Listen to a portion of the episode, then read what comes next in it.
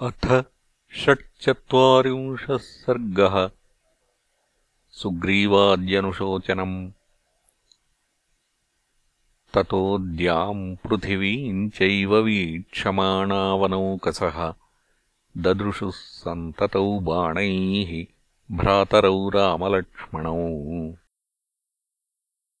वृष्ट्वेवोपरते देवे कृतकर्मणि राक्षसे आजगामाथ तम् देशम् स सुग्रीवो विभीषणः।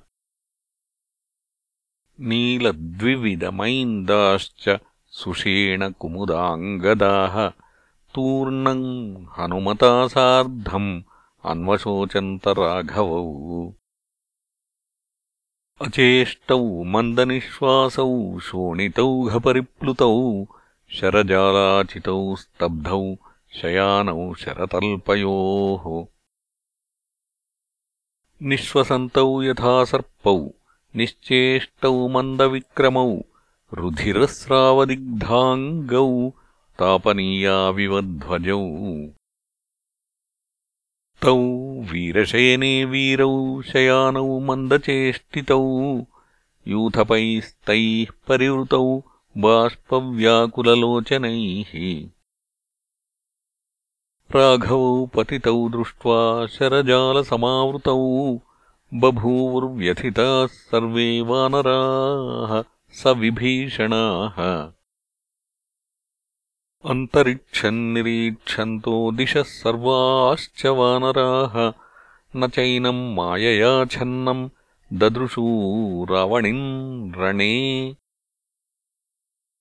तन्तु मायाप्रतिच्छन्नम् माययैव विभीषणः वीक्षमाणो ददर्शाथ भ्रातुः पुत्रम् अवस्थितम्। तमप्रतिमकर्माणम् अप्रतिद्वन्द्वमाहवे ददर्शान्तर्हितम् वीरम् वरदानाद्विभीषणः। तेजसा यशसा चैव विक्रमेण च संयुतम्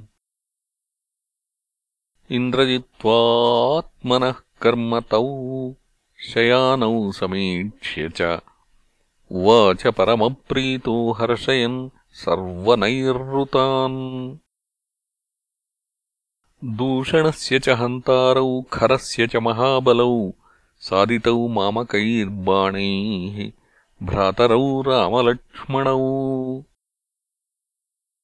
नेमौ मोक्षयितुम् शक्यौ एतस्मादिषु बन्धनात् सर्वैरपि समागम्य सर्षिसङ्घैः सुरासुरैः।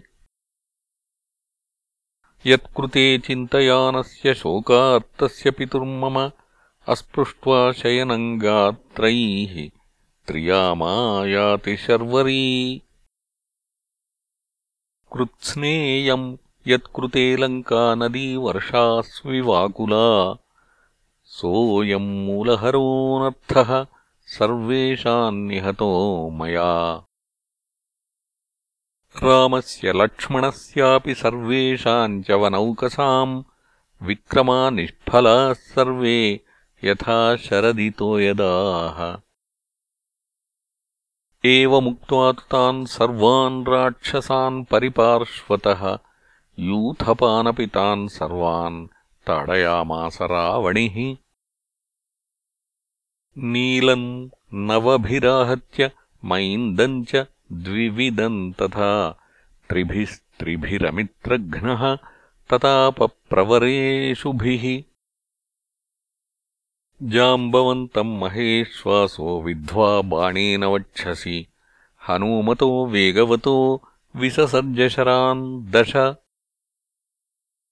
गवाक्षम् शरभम् चैव द्वावप्यमिततेजसौ द्वाभ्याम् द्वाभ्याम् महावेगो विव्याधयुधिरावणिः। गोलाङ्गूलेश्वरम् चैव वालिपुत्रम् अथाङ्गदम् विव्याधबहुभिर्बाणैः त्वरमाणोऽथ रावणिः। तान् वानरवरान् भित्त्वा शरैरग्निशिखोपमैः ननादबलवांस्तत्र महासत्त्वः स रावणिः तानर्दयित्वा बाणौघैः त्रासयित्वा च वानरान् प्रजहासमहाबाहुः वचनम् चेदमब्रवीत्। शरबन्धेन घोरेण मया बद्धौ चमूमुखे सहितौ भ्रातरावेतौ निशामयतराक्षसाः एवमुक्तास्तु ते सर्वे राक्षसाः कूटयोधिनः परम् विस्मयमाजग्मुः कर्मणा तेन हर्षिताः। विनेदुश्च महानादान् सर्वतो जलदोपमाः हतो राम इति ज्ञात्वा रावणिम् समपूजयन्। निष्पन्दौ तु तदा दृष्ट्वा तावुभौ रामलक्ष्मणौ वसुधायान्निरुच्छ्वासौ हतावित्यन्वमन्यत। हर्षेण तु समाविष्ट इन्द्रजित्समितिञ्जयः प्रविवेशपुरीम् लङ्काम् हर्षयन् सर्वराक्षसान्। रामलक्ष्मणयोर्दृष्ट्वा शरीरे सायकैश्चिते सर्वाणि चाङ्गोपाङ्गानि सुग्रीवम् भयमाविशत् तमुवाच परित्रस्तम् वानरेन्द्रम् विभीषणः सबाष्पवदनम् दीनम् शोकव्याकुललोचनम्। अलम् त्रासेन सुग्रीव बाष्पवेगो निगृह्यताम्। एवम् प्रायाणि युद्धानि विजयो नास्ति नैष्ठिकः। शेषभाग्यतास्माकम् यदि वीरभविष्यति मोहमेतौ प्रहास्येते महात्मानौ महाबलौ। पर्यवस्थापयात्मानम् अनाथम् माम् च वानर सत्यधर्माभिरक्तानाम् नास्ति मृत्युकृतम् भयम्। एवमुक्त्वा ततस्तस्य जलक्लिन्नेन पाणिना सुग्रीवस्य शुभे नेत्रे प्रममार्ज विभीषणः ततः सलिलमादाय विद्यया परिजप्य च। सुग्रीवनेत्रे धर्मात्मा स ममार्जविभीषणः प्रमृज्यवदनम् तस्य कपिराजस्य धीमतः अब्रवीत् कालसम्प्राप्तम् असम्भ्रममिदम् वचः। न कालः कपिराजेन्द्र वैक्लव्यम् अनुवर्तितुम् अतिस्नेहोऽप्यकालेऽस्मिन्मरणायोपकल्पते। तस्मादुत्सृज्य वैक्लव्यम् सर्वकार्यविनाशनम् हितम् रामपुरोगाणाम् सैन्यानाम् अनुचिन्त्यताम्। अथवा रक्ष्यतान् रामो यावत् संज्ञाविपर्ययः। लब्धसंज्ञौ हि काकुत्स्थौ भयम् नो व्यपनेष्यतः। नैतत्किञ्चन रामस्य न च रामो मुमूर्षति न ह्येनम् हास्यते लक्ष्मीः दुर्लभा या गतायुषाम् तस्मादाश्वासयात्मानम् बलम् चाश्वासयस्वकम् यावत् कार्याणि सर्वाणि पुनः संस्थापयाम्यहम्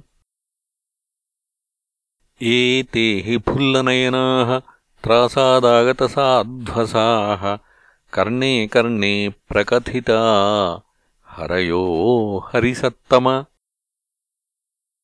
माम् तु दृष्ट्वा प्रधावन्तम् अनीकम् सम्प्रहर्षितुम् त्यजन्तु हरयस्त्रासम् भुक्तपूर्वामिव स्रजम् समाश्वास्यतु सुग्रीवम् राक्षसेन्द्रो विभीषणः विद्रुतम् वानरानीकम् तत्समाश्वासयत्पुनः इन्द्रजित्तु महामायः सर्वसैन्यसमावृतः विवेशनगरीम् लङ्काम् पितरम् चाभ्युपागमत्।